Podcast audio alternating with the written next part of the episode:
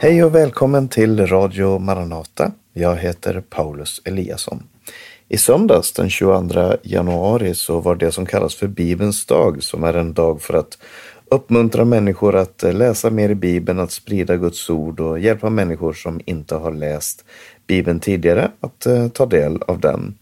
Och det, en av anledningarna är att vi är i ett nytt år och kanske många också har gjort eh, nyårslöften eller beslut om att man ska läsa, eh, läsa mer i Bibeln eller kanske man har startat en ny bibelläsningsplan för att läsa igenom Bibeln på ett år.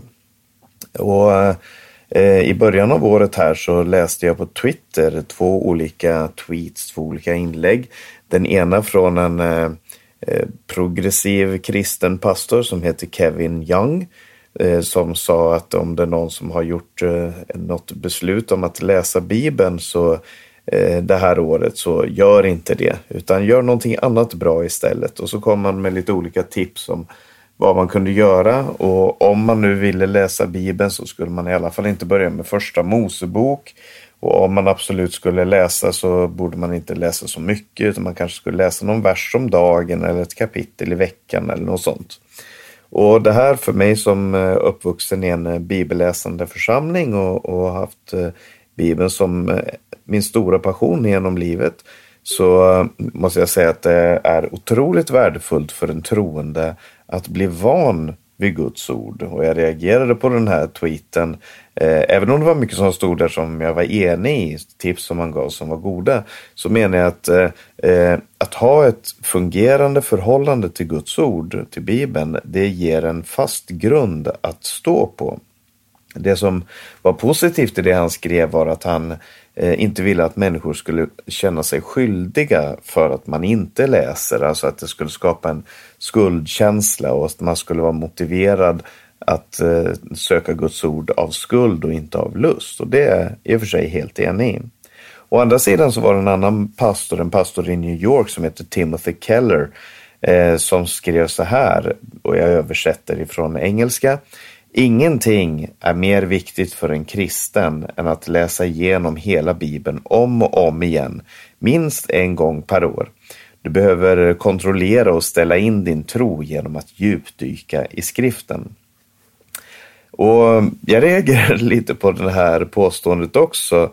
Därför att eh, när man säger att ingenting är mer viktigt för en kristen än att läsa igenom hela Bibeln om och om igen så måste man ju säga att det är otroligt många kristna genom historien som inte har, i så fall inte har gjort det som då är det viktigaste för en troende.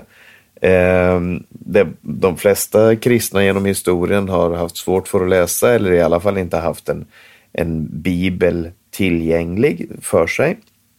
Och, men å andra sidan, det som han skriver där, det, det är sant på sitt vis. Det här att när man läser Guds ord om och om igen så kontrollerar man, man, man kan väga sin egen tro mot källan, mot Guds eget ord och det är trots allt den eh, utgångspunkt som vi har för vår tro. Så jag kan se värdet i faktiskt i båda de här pastorernas tweets, även om vi var oeniga i mycket av det de skrev, framförallt det som den första Kevin Young eh, skrev. Eh, men idag så skulle jag vilja dela lite tankar omkring bibelläsning och hoppas att det ska kunna vara till hjälp för dig och det ska vi börja med nu.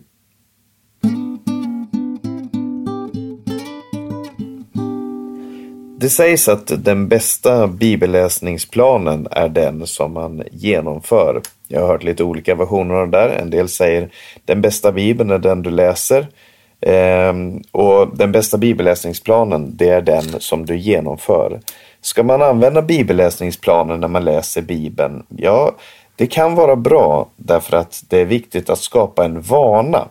Och det säger jag som har väldigt svårt för att skapa några vanor. Men, men det är så att när man läser Bibeln eh, så, så kan det vara bra att ha en daglig rutin eller en rutin på ett eller annat sätt om det är jag läser Bibeln morgon och kväll eller om det är jag läser Bibeln när jag står upp på morgonen eller om det är jag har en andaktsstund på kvällen eller varannan dag eller vad det nu än är. Att man bygger upp en vana. Eh, Och där kan bibelläsningsplaner vara en väldigt stor hjälp. Det finns appar som har bibelläsningsplaner som till exempel YouVersion och eh, Bible Project och så som, som har eh, det är alltså applikationer som du kan ladda ner till din telefon där det finns olika bibelläsningsplaner och det kan vara baserat på ämne. De kan gå över tre, fyra dagar eller de kan gå över en månad eller ett år. Eh, där kan man välja det som passar en själv. Och sen är den här frågan, ska man läsa Bibeln på ett år eller ett halvt år? Och svaret på det, är ja, kanske. Det är bra. Eh, prova. Eh, se om det här är ditt sätt att läsa Bibeln på. Eh, du kan göra det tillsammans med någon och gärna ha någon i närheten som du kan fråga, som du kan diskutera texten med och så vidare. Det kan vara en, en bra idé att, att prova att eh, eh, faktiskt läsa Bibeln genom. Jag har gjort det några gånger själv där jag har tillsammans med vänner har, har läst igenom Bibeln från första Mosebok till Uppenbarelseboken. Eh, någon gång gjorde vi fem kapitel per dag, någon gång gjorde vi tio kapitel per dag. Det är eh, jobbigt, det är svårt, men, men det går. Alltså det, fem kapitel, det, det är inte längre än en, ja, en halvtimme, en timme max eh, per dag som, som du använder till det. Eh, och kanske ännu mindre än det.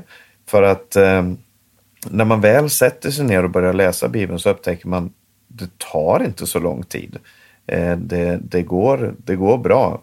Eh, och det är inte svårt. Det är inte jättemycket man behöver läsa varje dag för att läsa igenom Bibeln på ett år. Det handlar om en, ja, några få kapitel. Eh, medan för mig så är min grej den här, jag, jag har svårt för att följa en bibelplan som, som ska läsa igenom Bibeln varje dag genom ett år. Men jag har perioder då jag läser mycket och perioder då jag läser betydligt mindre. Jag försöker läsa minst ett kapitel om dagen och det har jag lyckats hålla eh, under de senaste åren. Men eh, ofta så läser jag mer än det. Och det finns en applikation som heter Bible Tracker där man kan gå in och själv eh, välja och, och, markera de, vers, de böcker eller kapitel som man har läst. Och det hjälper att hålla koll på vad man har läst. Den här applikationen använder jag, The Bible Tracker, finns både för iPhone och Android. Eh, och då kan man också se något som kan vara viktigt när man läser Bibeln på det sättet som jag gör. Man kan se vilka bibelböcker det är länge sedan man läste. Man kan se, okej, okay, nu är det länge sedan jag var i Nehemja. Nu är det länge sedan jag, jag har inte läst klagovisorna det här året och så vidare. Och det kan vara en, en hjälp. Och så kan det vara bra då om man vill ha de här bibelläsningsplanerna att hitta en översättning och en design som passar. Eh, en, du kanske vill pröva en ny översättning eh, som du inte har läst tidigare. Det kan vara en nytta för att eh, eh, se Bibeln på ett nytt sätt. Och när det gäller design, vad, vad är lättast för dig? Vill du ha en bibel som du kan ha med dig överallt? Använder du telefonen eller blir du distraherad av att läsa bibeln i telefonen? Behöver du en bibel med stor skrift? Eh, ska det vara eh, Eh, en spalts text eller två spalters text och så vidare? Eh, hitta det som passar för dig. Det är inte det viktigaste utan det viktigaste är att du eh, kommer in i det här. Nästa sak som jag skulle vilja nämna det är frågan om sträckläsning. Och med sträckläsning så menar jag att man läser igenom stora eller större mängder text. Det kan handla om eh, några kapitel eller, eller en hel bok. Ehm, och det, det, är väldigt lätt när man läser Bibeln, i alla fall för mig, att man hamnar i ett vershoppande. Och vad menar jag med det? Jo, att man läser en vers om dopet och så tänker man just ja, det här står om i Romarbrevet kapitel 5 också. Så hoppar man till Romarbrevet 5. Ja, men det här påminner mig om Johannes kapitel 1. Och så hoppar man till Johannes kapitel 1 och så, och så gör man sådana här vershoppande och det gör vi väldigt ofta när vi predikar. När jag predikar så blir det mycket vershoppande för att jag har ett ämne och så ska jag belysa det här ämnet och även om jag utgår ifrån en text så blir det att man hoppar från vers till vers. Men det kan skapa intrycket av att Bibeln är en massa kloka lösryckta citat och det är den inte. Alla texter, alla verser som du ser, om de hänger på en vägg hemma hos någon, om, om det är ett mannakorn, vad det än är, så är det verser som är alltid är tagna ur sitt sammanhang. Och därför är det väldigt viktigt och värdefullt att kunna läsa Bibeln i det sammanhang som det skrevs, på det sätt som det var tänkt att läsas. Så fördelen med att sträckläsa en text är absolut att man får med sig hela sammanhanget. Du ser att det, det tar faktiskt mindre tid att läsa Johannesevangeliet än, än det tar att se en genomsnittlig film. När man säger, alltså något som inte är sant, varken för mig eller dig, det är att vi inte har tid att läsa Bibeln. Med mindre du är en person som, som eh, absolut inte har tid och har en väldigt märklig vardag. Om du har tid att se en film i veckan så har du tid att läsa Bibeln. Om du har tid att sätta dig ner och se en Youtube-video i 15 minuter så har du också tid att läsa Bibeln i 10 minuter. Och man kommer väldigt långt på 10 minuter, en kvart, 20 minuter per eh, dag. Eh, och, och, och, och det, så det finns eh, den här fördelen med att läsa Bibeln eh, genom sträckläsning och det är att man får med sig hela sammanhanget. Nackdelen kan vara att man hamnar i en situation där man sträck, stressar sig igenom en text och det här kan ju framförallt vara om man har en bibelläsningsplan som man, där man har hamnat på efterkälken och så oj, idag måste jag läsa 20 kapitel, jag måste läsa 30 kapitel i Bibeln. Det kan bli väldigt svårt. Så, så snart du märker att du inte hänger med i texten eller att det blir ett slit, att det blir jobbigt, så försök att hitta ett annat sätt att eh, närma dig texten på. Och ett sätt som man kan närmar sig texten på, det handlar om bön och meditation. Och när jag säger meditation så låter det som yoga eller någonting sånt, men det är inte det jag menar. I den första salmen, eh, den allra första salmen så står det så här i Bibeln. Salig är den som inte följer de gudlösas råd, som inte går in på syndares väg och sitter bland föraktare, utan har sin glädje i Herrens undervisning och begrundar hans ord både dag och natt.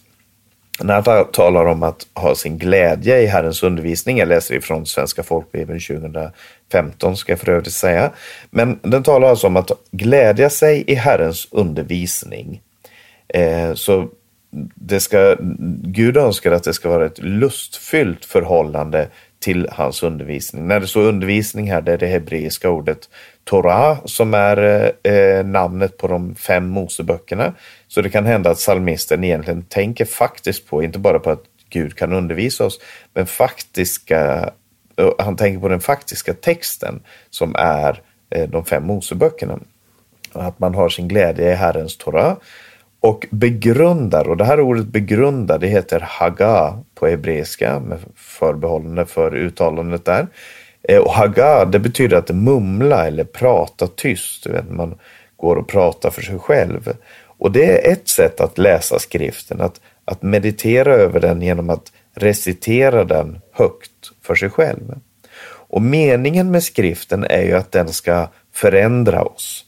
Alltså Jakob han talar om att vi ska sluta vara ordets hörare och bli ordets görare.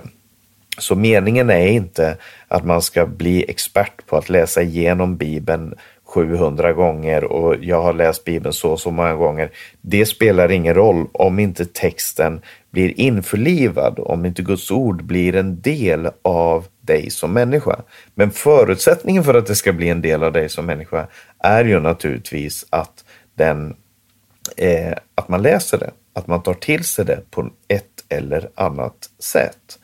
Eh, och därför, eh, ett sätt som vi har för att införliva ordet med oss själva, det är bönen. När vi ber eh, över Bibeln så, så är det en väldigt nyttig lektion. När du har läst en text, läs ett kapitel eller ett textsammanhang, ett halvt kapitel, några verser och så fråga dig själv, vad uppmanar den här texten mig till? Hur utmanar den här texten mig? Var behöver jag Guds kraft för att göra det som den här texten talar om? Och så kan man be över det. Jag läser i Johannes kapitel 1. I begynnelsen var ordet, ordet var hos Gud och ordet var Gud. Detta var i begynnelsen. Eh, allting som, allting som har blivit till har blivit till genom honom och så vidare. Och jag läser de här verserna och så kan jag börja be.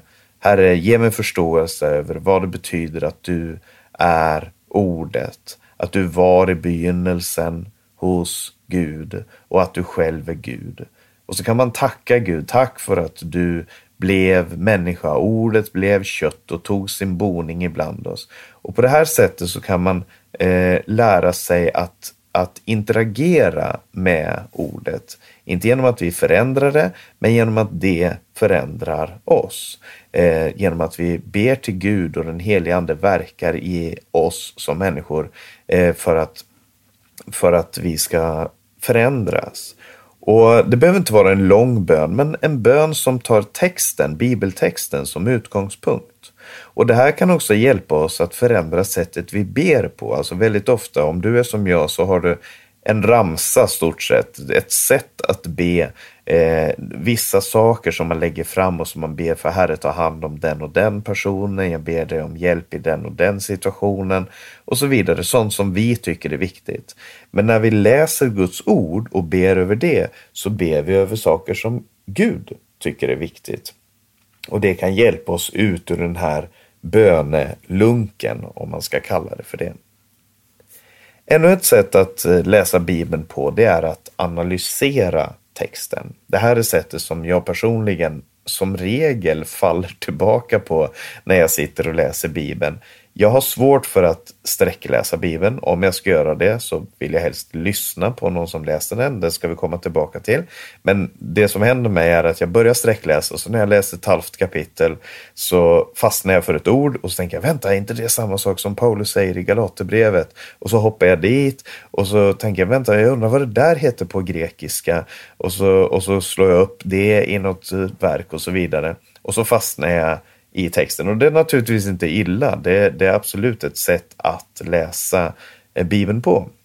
Och det finns många eh, gratis verktyg online och det finns verkligen bra verktyg för att analysera texten och hjälpa en att ställa frågor som till exempel en enkel fråga. Vad säger andra översättningar?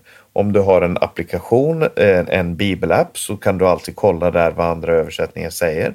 Eller kanske du har flera översättningar hemma som du kan kontrollera. Vad, vad heter det här på engelska, på spanska eller vad heter det i en äldre översättning eller en nyare översättning?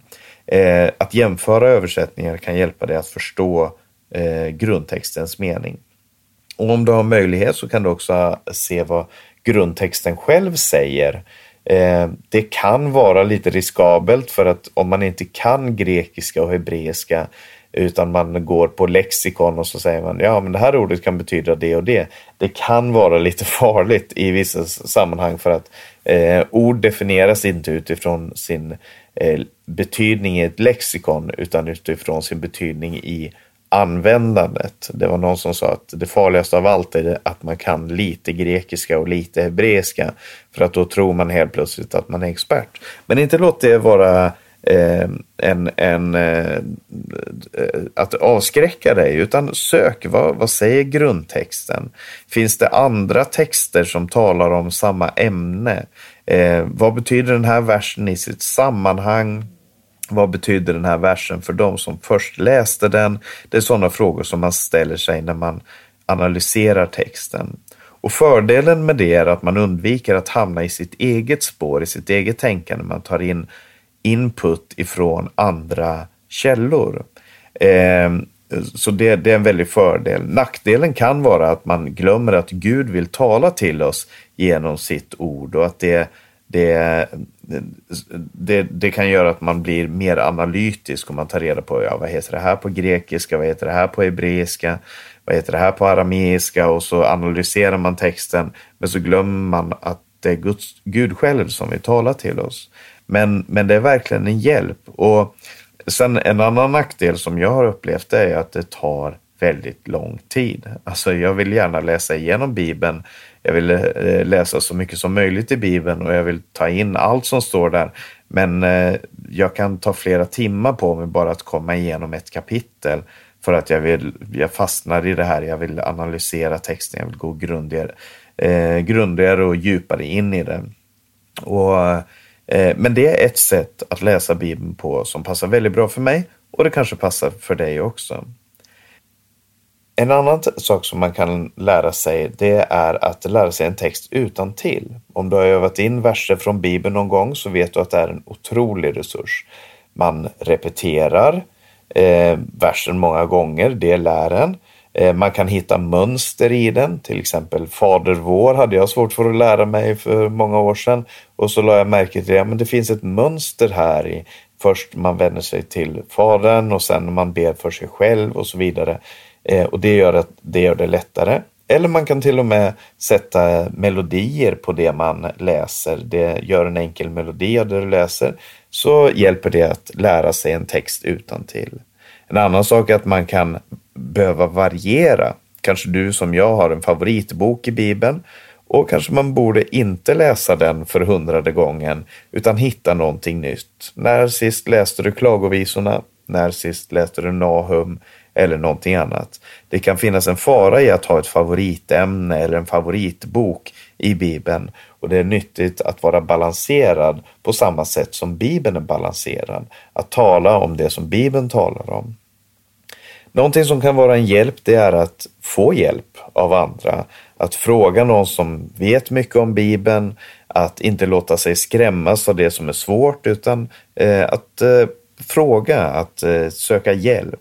Och ett förslag är att innan du läser en bibelbok så läs en introduktion eller se en video som introducerar de här böckerna. På Youtube finns det många videos upplagda som ger introduktioner till bibelböcker.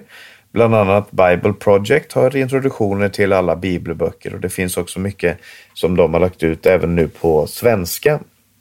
Och eh, om ett år så har jag, om Herren vill, eh, gjort eh, radioprogram med introduktion till alla bibelböckerna. Eh, du kan gå in i Radio Maranatas arkiv, eh, söka på i podcaster eh, där du kan få de här introduktionerna till bibelböckerna som jag hoppas ska kunna vara till en hjälp också. Och så vill jag ge ett eh, sista tips och det är att lyssna på Bibeln. Jag sa det innan att det här är någonting som jag gör ofta. Eh, och jag gör det gärna på jobbet när jag jobbar för mig själv på vägen till eller från jobbet eller när man går en promenad. Och de flesta kristna i historien hade ingen egen bibel, utan man lyssnade på ordet.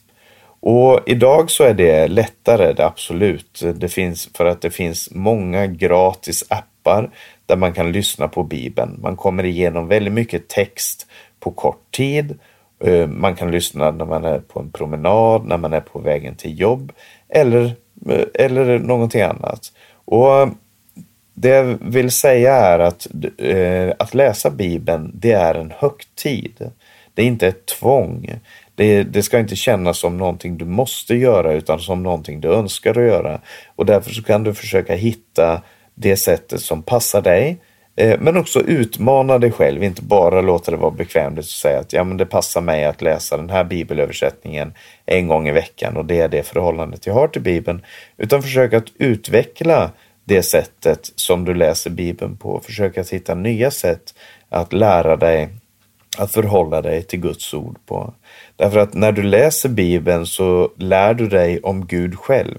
Du läser den bok som Gud har gett till sitt folk eh, och vad kan vara viktigare än det? Eh, du övar dig själv i Gudsfruktan och du, du utvecklas i din tro och blir inte så lätt omkullslagen och, och, och, och lurad eh, av människor som kommer med, med falska teologier och så vidare. Och kanske du har egna tips om eh, vad du tycker är viktigt när man läser Bibeln. Då får du gärna skriva ett, eh, en e-post till info at maranata.se och dela med dig av eh, hur du brukar läsa Bibeln om du tycker att det är någonting som jag har missat här. Men i korthet så kan man säga att mina tips är skaffa dig en bibelläsningsplan som passar dig med en översättning som passar dig. Eh, sträckläsning kan vara en god idé att eh, läsa så mycket text som du eh, klarar på en dag för att eh, få med dig hela sammanhanget. Vi har talat om bön och meditation, att läsa Bibeln och be och meditera över texten och sen också att analysera texten genom att gå in, försöka gå djupare i kanske en vers eller två verser. Att lära sig en text utan till kan vara en hjälp. Att variera mycket kan vara en hjälp. Att få hjälp, att be om hjälp av din, av din eh, eh, bibellärare i församlingen eller någon du känner. Och har du några bibelfrågor så får du väldigt gärna också skicka dem till mig och till oss. Till info.maranata.se är eh, adressen till eh, Maranataförsamlingen. Och eh, min personliga e-postadress är paulus.eliasson gmail.com. Eh, dit kan du också skicka frågor om du vill dela med dig av det eller tips. Och vi ska strax avsluta här, men först ska vi bara ge några avannonseringar.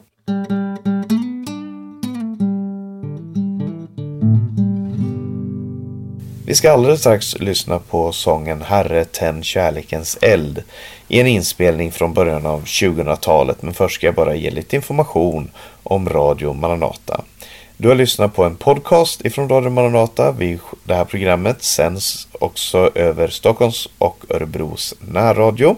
Eh, sprid gärna det här till andra om du finner det värdefullt. Och som sagt, om du har några frågor, kommentarer eller tips så kan du skicka en e-post till info.maranata.se eller ringa 070-201 60 20. På hemsidan maranata.se kan du höra programmen, läsa Minatropet, se Radio Maranatas övriga sändningstider. Sprid Guds välsignelse till alla du möter. Vi hörs igen om en vecka.